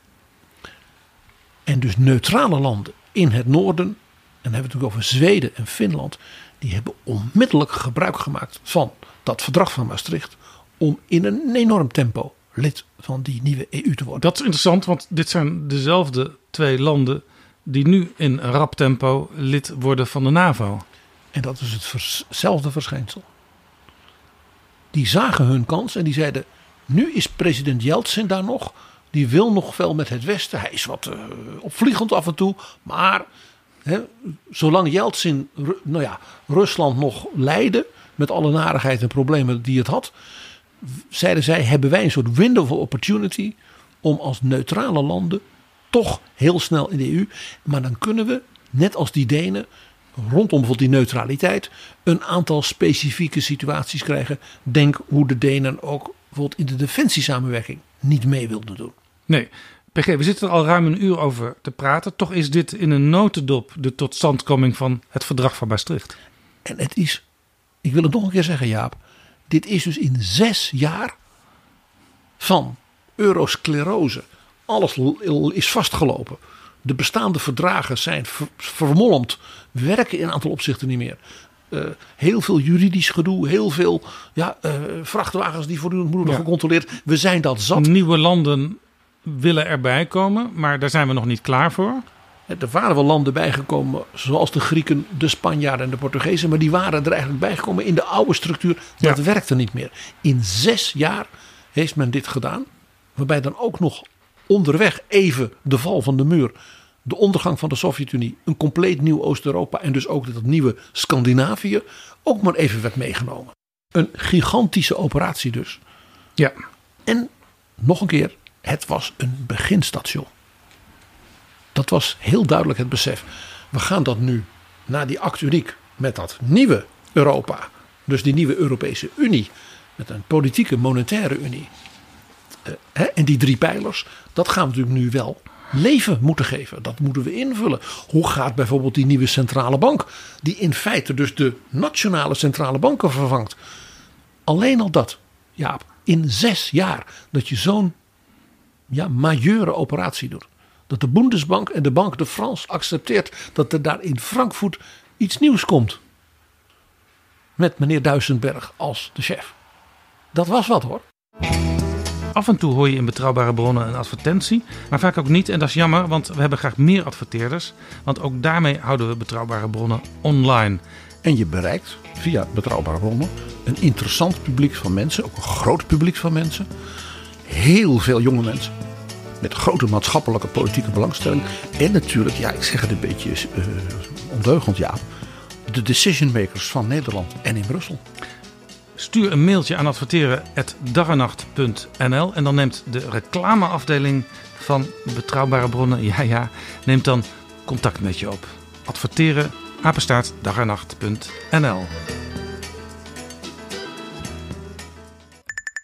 Dit is Betrouwbare Bronnen. En we praten over het verdrag van Maastricht. Je kunt niet zeggen het is mislukt. Nee, daarna kwam het verdrag van Amsterdam en het verdrag van Lissabon. En die hebben er ook aan bijgedragen dat het uh, gezwind ging met de Europese economie. Het heeft enorm geholpen. Uh, zowel in zeg maar, de klassieke EU-lidstaten als zeer in het bijzonder de nieuwe lidstaten. Het succes van het verdrag van Maastricht en ook van die conceptie van Delors, hè, die daaronder zat, was natuurlijk vooral een enorme magneet. Overigens ook voor dus relatief nieuwe landen als Spanje en Portugal, maar zeker ook voor de landen in Midden- en Centraal-Europa. En natuurlijk, Jaap, er zijn altijd hobbels op de weg. Delors zei al bij de val van de muur: Wij zijn nu eenmaal altijd slaven van de omstandigheden. Zo'n prachtige Delors-uitdrukking. Uh, want ja, men wou een grondwet, weet je nog? Nou, dat werd dan toch maar een verdrag, want dat ging niet helemaal zoals het moest. We hebben natuurlijk de kredietcrisis en de eurocrisis gehad, wat de grootste economische uitdaging en risico is geweest. Maar ook dat heeft men ja, kunnen overleven. Met vallen en opstaan en wat dan niet. Maar men heeft het overleefd en meer. En we hebben Brexit gehad. Waarvan toch ook heel veel mensen dachten dat is een enorm gevaar. En dat is, het, hè, dat is misschien wel het eind van de Europese Unie. Nou. En tegelijkertijd, PG, uh, zijn steeds meer leidende mensen binnen Europa zich ervan bewust dat we nu weer toe zijn aan een grote sprong voorwaarts. Zo heeft in het Europees Parlement afgelopen week de Commissie Institutionele Zaken vergaderd.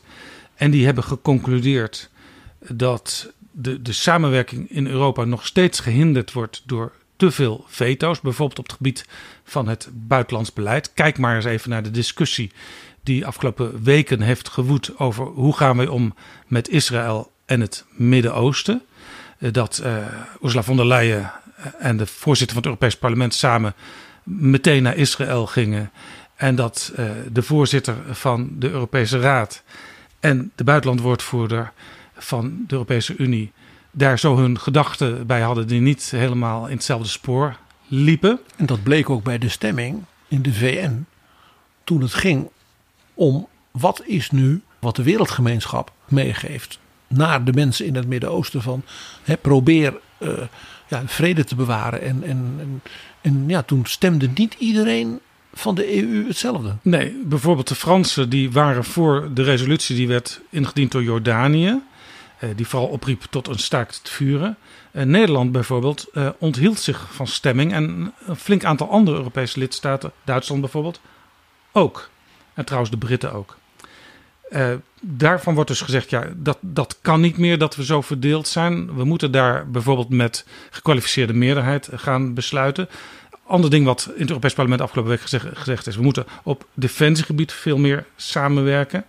Ook zelfs op belastingterrein moeten we de veto's afschaffen. En je ziet dus, Jaap, dit zijn allemaal onderdelen die in feite in die oorspronkelijke discussie van Delors al besloten lagen. En die voor een deel ook in dat uh, plan wat werd afgeknald van Nederland stonden voor Maastricht. Ander puntje wat ook al heel lang speelt, heeft die commissie in het Europees Parlement ook weer gezegd afgelopen week. De Europese Commissie die is veel te groot. Elk land heeft destijds bedongen daar iemand in te hebben als vertegenwoordiger. Wat natuurlijk raar is, want als je er eenmaal in zit, ben je geen vertegenwoordiger meer van zo'n land. Dat moet gemaximeerd worden op 15 leden. Mag ik je nog een ander voorbeeld geven, Jaap? Ik heb in 2010 nog een zeer indringend gesprek gevoerd, zelfs met Jacques Delors. En weet je wat hij toen tegen mij zei? Die zei: We hebben enorm ons best gedaan hè, met de interne markt. Ik ben daar heel trots op. Maar kijkt u nou eens hoe zich inmiddels natuurlijk de Europese economie en de wereldeconomie zich heeft ontwikkeld. Hij zegt 1992, dus nu, hè, Mon ami zei hij 2010. Hij was toen 85. En toen zei hij: Kijk nou eens naar energie. Wij zijn als Europese landen, we hebben ons dus gekoppeld aan Rusland. En elk land gaat weer zijn eigen prijsdingetje doen en dit en dat en zo en zo. Zei hij, nous sommes les demandeurs. Wij staan met de pet in de hand chez monsieur Poutine en monsieur Medvedev. En die, zegt, en die spelen ons allemaal tegen elkaar uit. En toen zei hij met enorm vuur, l'union fait la force. Eendracht maakt macht. En dat zegt, wij zouden als Europa een energieunie moeten vormen. Waarmee we ook de technologie, bijvoorbeeld de Franse technologie, zei hij natuurlijk met een glimlach. Ja, en die van andere landen ja, kunnen poelen. Denk eens even nu aan verduurzaming van energie, als we dat hadden gedaan. En wij dus als één blok onderhandelen met Poetin. En datzelfde geldt voor het digitale Europa. We hebben het natuurlijk laten gebeuren dat uh, met name de Amerikanen dominant zijn in ons dagelijks leven via onze telefoon, via onze computer. En we hebben nog altijd in zekere zin 27 nationale digitale beleiden in Europa. Ja, Roberto Viola was de gast in Betrouwbare Bronnen 78. Hij is de directeur-generaal in Europa die daarover gaat. En hij pleitte toen al, in ons tweede seizoen was dat denk ik, voor allerlei stappen waar ze nu nog steeds mee bezig zijn om die te zetten. Heel belangrijk, PG. Die act uniek en daarna ook het verdrag van Maastricht uh, was toch vooral een economische en monetaire zaak.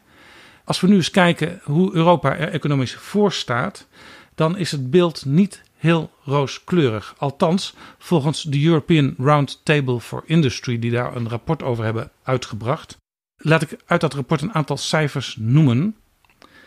Europa's aandeel in de mondiale industrie is in de eerste 20 jaar van deze eeuw gedaald van 25% naar 16%. Europese bedrijven waren tussen 2014 en 2019 20% minder winstgevend dan Amerikaanse. Hun omzet groeide 40% minder hard en ze investeerden 8% minder. Europa wil een geopolitieke speler zijn, zegt de European Roundtable for Industry, maar dat kan alleen als je een sterke economie hebt. En ja, we hebben een niet eens zo heel lang geleden met de secretaris-generaal van deze club, Frank Heemskerk, een gesprek gevoerd. In aflevering 254. En die zei toen: Wij kunnen als roundtable, en had ook een heel mooi document daarvoor, eigenlijk voor een hele serie sectoren in Europa zeggen. In 92 bestonden die sectoren bijna nog niet. En daar zijn dus ook niet van die interne marktafspraken voor gemaakt. Want als een soort industrie bijna niet bestaat, dan kun je er ook geen interne markt voor ontwikkelen. Dus die zijn vaak nationaal ontwikkeld.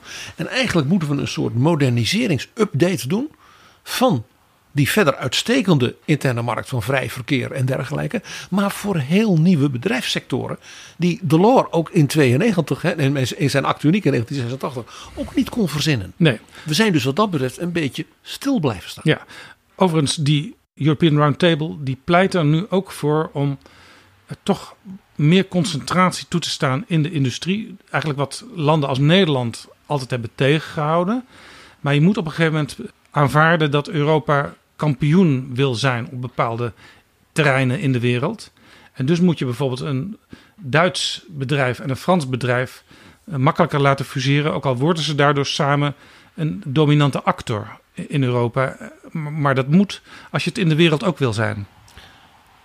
Maar ja, Nederland moet misschien ook op dat punt een beetje nuchter zijn. Wij hebben zo'n bedrijf, dat is ASML. Laten we er heel eerlijk zijn, ja. En sommige mensen zeggen dat ook de Nederlandse landbouw als exportkampioen in feite een soort agrarische ASML is. En dan tot slot, eh, PG. De European Roundtable die pleit er nu ook voor dat Europa beter bestuurd gaat worden. Want je moet dus eh, die economische hervormingen waar zij voor pleiten samen laten gaan met good governance. En daarmee komen we weer bij die eh, commissie in het Europees Parlement, die daar dus deze week ook voor pleiten. Ik wil één ding nog aanstippen in het kader van iets wat we zeg maar, met het verdrag van Maastricht en met het visioen van Delors toch niet konden voorspellen. Dat is dat Europa in feite nu zozeer een echt een wereldwijd fenomeen is. Dat bijvoorbeeld met dat hele grote lange termijn investeringsproject Global Gateway Europa openlijk nu concurreert met de Belt and Road van Xi Jinping. Ja, in 92 was China nog niet zo'n duidelijke speler als nu. Het was heel duidelijk een toekomstspeler en als partner van Europa ook interessant. Maar nu zijn, zijn Europa en China in feite, met name dus in de derde wereld, elkaars concurrenten geworden. Ik vond het zeer opmerkelijk hoe de afgelopen paar weken, naast Midden-Oosten, Oekraïne en wat al niet, de agenda van mevrouw von der Leyen voortdurend vol zat met het tekenen van Global Gateway, lange termijn investeringsafspraken met een hele lange reeks landen in Afrika, Latijns-Amerika en Azië. Dit is een heel nieuw fenomeen van het Europa van deze tijd, waarvan het mij opvalt dat eigenlijk niemand het daar nog over heeft. Nee. eh, en dat gaat om 300 miljard op dit moment al. Ja, als je nu kijkt naar de ontwikkeling van China, dan staan daar de lichten op rood. Het gaat helemaal niet goed met eh, de economische en demografische ontwikkeling van China. Eh, maar dan mogen we ons dus, als ik dat rapport van eh, de European Roundtable goed lees, niet door in slaap laten sussen als Europa. We moeten zelf ook ons best doen om eh, weer een paar tandjes erbij te zetten.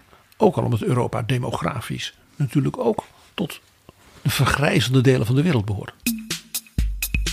Hoi, ik ben Alexander Klupping.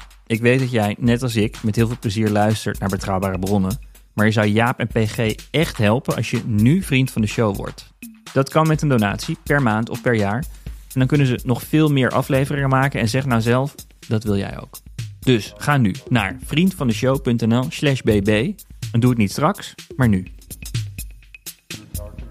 PG, in het begin van deze aflevering zei ik dat we het ook nog zouden hebben over de campagne in Nederland en de vraag of Europa daarin voldoende aan de orde komt. Nou ja, je zou toch een aantal zeg maar, aanmoedigende kanttekeningen, laat ik het dan zo zeggen, kunnen maken bij bijvoorbeeld Europese elementen die door verschillende partijen naar voren zijn gebracht. En ik wil als eerste, dat vind je misschien een beetje merkwaardig, wijzen op GroenLinks en de Partij van de Arbeid. Ja, die worden natuurlijk geleid, aangevoerd door Mr. Europe van de afgelopen jaren, Frans Timmermans. Mij viel op dat toen hij daar in dat theater met al die juichende jongeren met Bernie Sanders zat, hij geen woord heeft gewijd aan de belangrijke rol van Europa. Ik zou bijna zeggen het verhaal van Delors. Van, dat hij zei nee wij zijn geen Ja, neoliberaal dat heb je toen heel goed duidelijk gemaakt. Hij had in feite Bernie Sanders dat kunnen voorhouden. Al die stappen die Europa heeft gezet. Als voorbeeld voor zoals je het in de Verenigde Staten ook zou kunnen aanpakken. Dat dus Europa en dat hele concept van de interne markt en wat daaronder ligt, juist een kritisch antwoord is op die neoliberale ontwikkeling. Maar goed, dat was blijkbaar niet het moment om het daarover te hebben toen in Utrecht. Dus ik ben benieuwd of Timmermans vanuit zijn enorme ervaring op dat punt dit nog in die debatten naar voren gaat brengen. Ja, hij heeft natuurlijk campagnematig heeft hij eigenlijk een stap gezet naar Nederland. Hij is ook door Nederland gaan reizen. Met mensen eh, op alle levels gaan praten. Maar het zou toch verrassend zijn als het nou Frans Timmermans was die een achter de dijken campagne ging voeren. Ja, en als degene die het langst zwijgt over Europa uiteindelijk ook in deze campagne Frans Timmermans is. Dat zou heel gek zijn. Wat ook heel opmerkelijk is, is natuurlijk de houding van de VVD.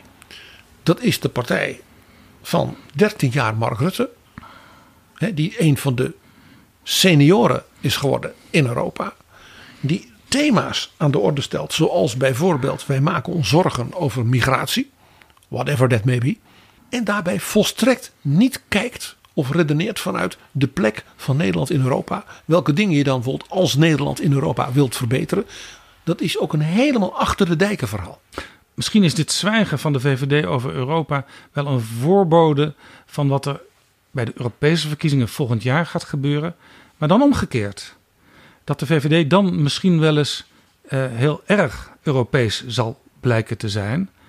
Eh, want we hebben afgelopen vrijdag geleerd op een lokale Haagse radiozender dat Mark Rutte niet meer wegkijkt als het gaat om een internationale functie. Nee, hij heeft belangstelling voor de functie van secretaris-generaal van de NAVO. En verder ben ik deze zomer gaan nadenken met de crisis nu in Oekraïne. Ehm, zou ik niet eerst nog een paar jaar toch iets internationaals moeten doen? Ah, kijk, en daar komt een ervaring daarvoor inzetten. Maar heel eerlijk, er zijn maar een paar plekken.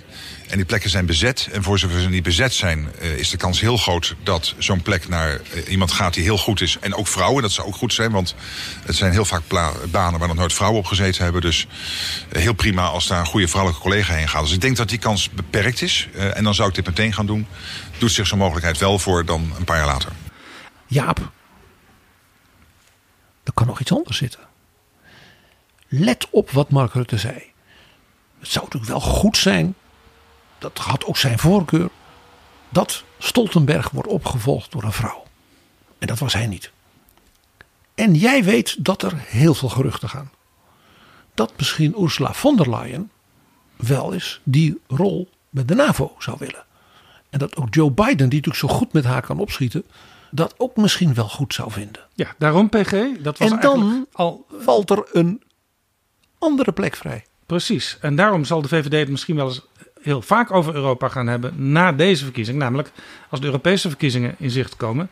Sterker nog, misschien moet Mark Rutte zelfs wel lijsttrekker bij de Europese verkiezingen worden voor de VVD. Want dan is hij echt ook de spitsenkandidaat van Macron en de andere liberalen in Europa. Waren het dus niet dat Mark Rutte altijd heeft gezegd dat hij die spitsenkandidaten flauwekul vond. Maar ja, hij heeft ook gezegd dat hij vooral les ging geven aan zijn kids. Ja, voor de, het voorzitterschap van de Europese Commissie bent u lid van de verkeerde partij, denk ik. Want dat, dat gaat meestal naar een sociaaldemocraat of naar een christendemocraat. Uh, Nee, er zijn drie van die rollen. Uh, uh, voorzitter Europese Raad, Charles Michel, dat is een part-time baan. Wil ik niet. Voorzitter Europese Commissie lijkt me wel heel mooi. Ook maar daar heeft u de verkeerde precies, kleur en voor. SG NAVO. En daarvoor is de kans heel groot dat daar een, een collega uit Europa komt die. En verder zijn er geen rollen. Dan, verder is er niks. Nee, nou, maar uh, u noemt de functie al die volgens mij heel kansrijk voor u is. Dat is namelijk secretaris-generaal van de NAVO. Wat Jaap de Hoop Scheffer uh, als laatste Nederlander ook een aantal jaren heeft mogen doen. Zou u dat leuk vinden, die baan? Ik vind die drie banen, nou ja, voor Nee, die, die, met name die laatste baan. Want nou, nou ja, internationale. Het zijn hele... leuke banen, maar het, zijn, het, zijn, het is niet zo mooi als wat ik nu doe. Maar het, is, het, zijn, het zou je nog een paar de kans geven om uh, internationaal in een periode waarin natuurlijk sinds begin vorig jaar de wereld totaal veranderd is. Uh, inmiddels ook spanningen zijn zeer ernstig tussen Kosovo en Servië. En natuurlijk sinds 7 oktober de verschrikkelijke uh, uh, terreur in het Midden-Oosten die Israël bestrijden is. Um, dan is zo'n rol heel interessant. Ehm, het zou ik nog wat kunnen bijdragen. Maar nogmaals, eh, de kans is heel groot, heel erg groot. Eh, want er is gewoon breed ook steun voor dat te gaan doen. Dat eh, iemand anders in Europa, en ik ga wel geen namen noemen, maar een, een collega die ook vrouw is. En dat zou ook heel goed zijn dat ook een keer zo'n baan. Want vrouwen breken overal. Oké, dus u bent voor die baan in de, als NAVO-baas geen frontrunner? Ik, ik weet ik allemaal niet. Ik, ik ga ik wil nergens campagne voor voeren of zo. Nou, ik U vraag vraagt het nou- Ik zeg, ik, ook hier schreef ik gewoon het eerlijke antwoord. Eh, ehm, eh, nu het kabinet eerder is gevallen dan gedacht... en we in zo'n grote crisis zitten, wereldwijd... vind ik het Syrië ook raar na 13 jaar als ik zou zeggen... ik kijk niet nog één keer of er wat is. Maar er zijn maar deze drie functies... waarvan er één door mij niet gewild wordt. En, en één inderdaad niet beschikbaar komt. En één eh, waarschijnlijk niet. Maar we gaan het zien. En er is nog een theorie die hierop aansluit. eh, dat Wopke Hoekstra nu naar voren werd geschoven door Rutte als tijdelijke eurocommissaris. Want als bijvoorbeeld Kaag het was geworden, dan was dat een liberaal geweest. Hè? Ze zitten samen in die Europese familie. En dan zou Mark Rutte zelf niet uit de hoge hoed kunnen worden getoverd volgend jaar als hele verrassende kandidaat. Dus Wopke is eigenlijk nu een tussenpaus om straks ruimte te maken voor misschien wel Mark Rutte. Maar dan als leider van de commissie.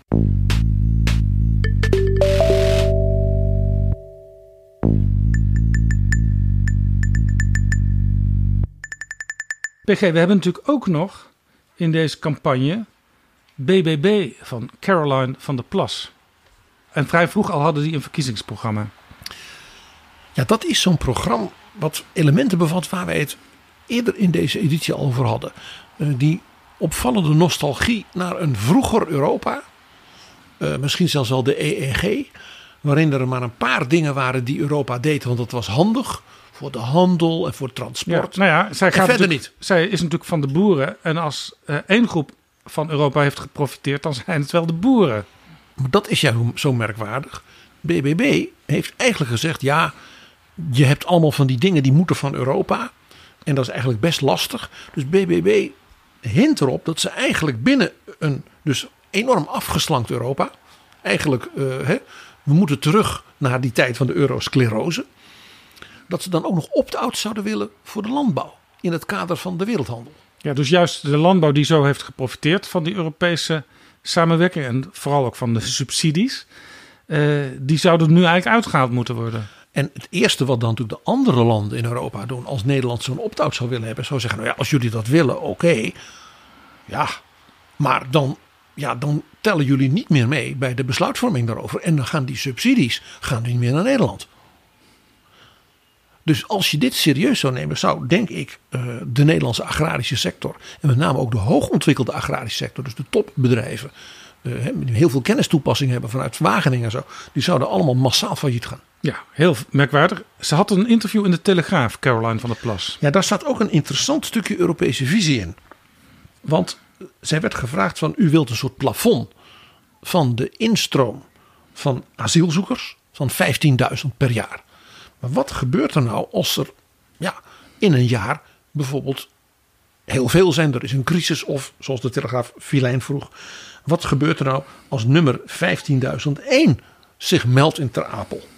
Dan zou je denken, ja, daar moet je dus Europees met elkaar proberen afspraken over te maken. Ja. Als je zo'n plafond doet. Ja, nou dat, dat denkt Caroline van Plas ook. Die kijkt naar Europa. Ja, die keek naar Europa. Want die zei, dat kun je afkopen in een ander land en die persoon daarheen sturen.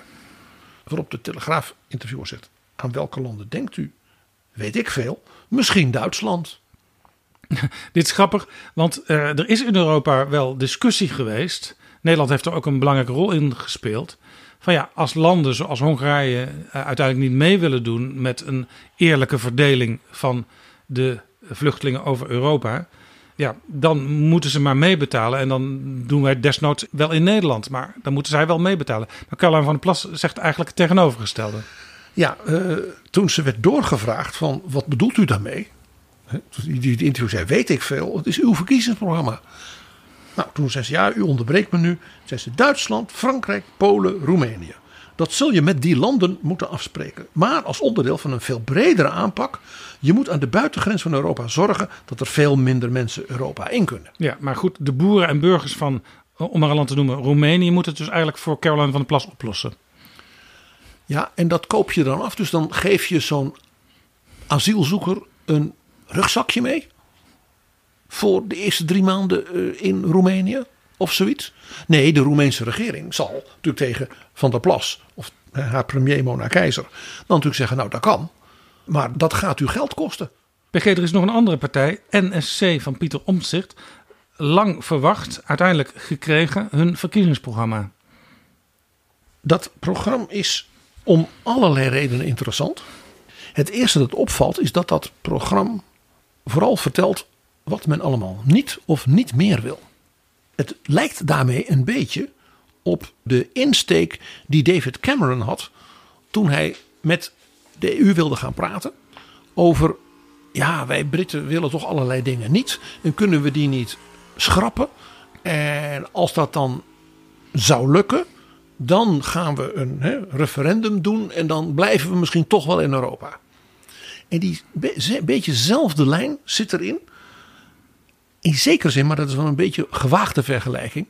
Het doet ook een beetje denken aan de benadering van Marine Le Pen. Toen zij voor de tweede keer presidentskandidaat was tegenover Macron. De eerste keer was zij natuurlijk voor een Frexit. Ja, Franse exit uit Europa. Toen werd ze door Macron ook in het slotdebat op de televisie, nou ja, politiek vermoord. Dat was gewoon te pijnlijk om te kijken.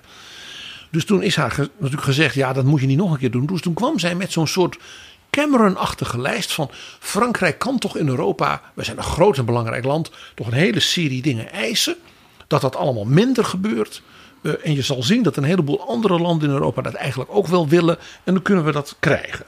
Welke EU-activiteiten men daarbij wil inperken, blijft wat vaag. Want elke keer als je natuurlijk iets concreet gaat noemen, dan zal men in Brussel en andere landen zeggen: oké, als Nederland dat wil, maar je kunt het niet te gek maken. Dus één of twee dingen kunnen.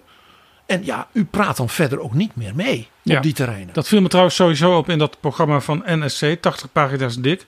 Maar er staan heel veel algemeenheden in. Er staan wel, wel richtingen in, maar echt concreet ingevuld op heel veel terreinen is het niet. Nee, wat heel interessant is, dat wordt gezegd. Ja, we moeten terug naar de criteria uit het verdrag van Maastricht. Maar we hadden al vastgesteld, het verdrag van Maastricht was geen eindplaatje. Nee. Het verdrag van Maastricht was juist bedoeld om vanuit die criteria vervolgens, nou, de voorbije 30 jaar, het verder te ontwikkelen. Mede doordat natuurlijk al die nieuwe landen in Midden- en Oost-Europa erbij zouden komen. En je die dus versneld constructief in Europa Ja, een plek kon en als je die hobbels ziet die nu geschetst worden door het Europees Parlement en door de European Round Table, dan moeten dat dingen zijn waar NSC toch ook naar kijkt en iets van moet vinden. Maar ja, er komt nog iets bij. Als je zegt, ja, wij willen eigenlijk eh, een heleboel dingen terugdraaien. Of dat Nederland een opt-out krijgt of wil er niet mee meedoen. Dan gaan andere lidstaten, want zo is dat, nou ik zou het politieke spel wat je dan speelt. Dan gaan andere lidstaten zeggen, oké, dat kan. Dus dan gaat Nederland daar niet meer aan meebetalen. Want er wordt ook gezegd, we willen dat Nederland veel minder bijdraagt aan de EU. Dan zeggen die andere lidstaten, ja, maar dan gaat u ook dus minder krijgen. Want het kan natuurlijk niet zo zijn dat je zegt, wij willen al die inkomsten die we hebben, die Nederland heeft. Denk eens aan Horizon. Denk eens ook aan allerlei douaneafspraken, waardoor Nederland met de Rotterdamse haven heel veel geld krijgt uit Europa.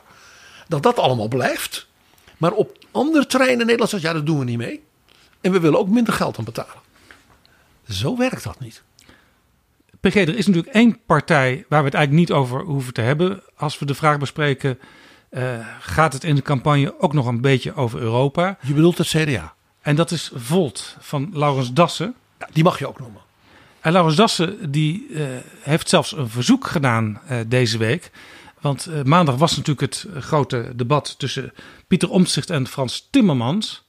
Maar hij wil ook een debat met Omtzigt vanwege die vaagheden in dat programma van NSC. Ja, ik zou het natuurlijk fantastisch vinden om hier eh, met Pieter Omtzigt het debat ook over aan te gaan. Maar zegt u nou eigenlijk, het is een man met verstand van zaken, behalve als het over Europa gaat?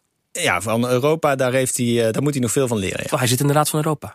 Ja, dus eh, dat verbaast mij ook elke keer weer. Eh, maar goed, eh, laten we daar het debat over gaan voeren. Ik ben voor. Dankjewel, PG.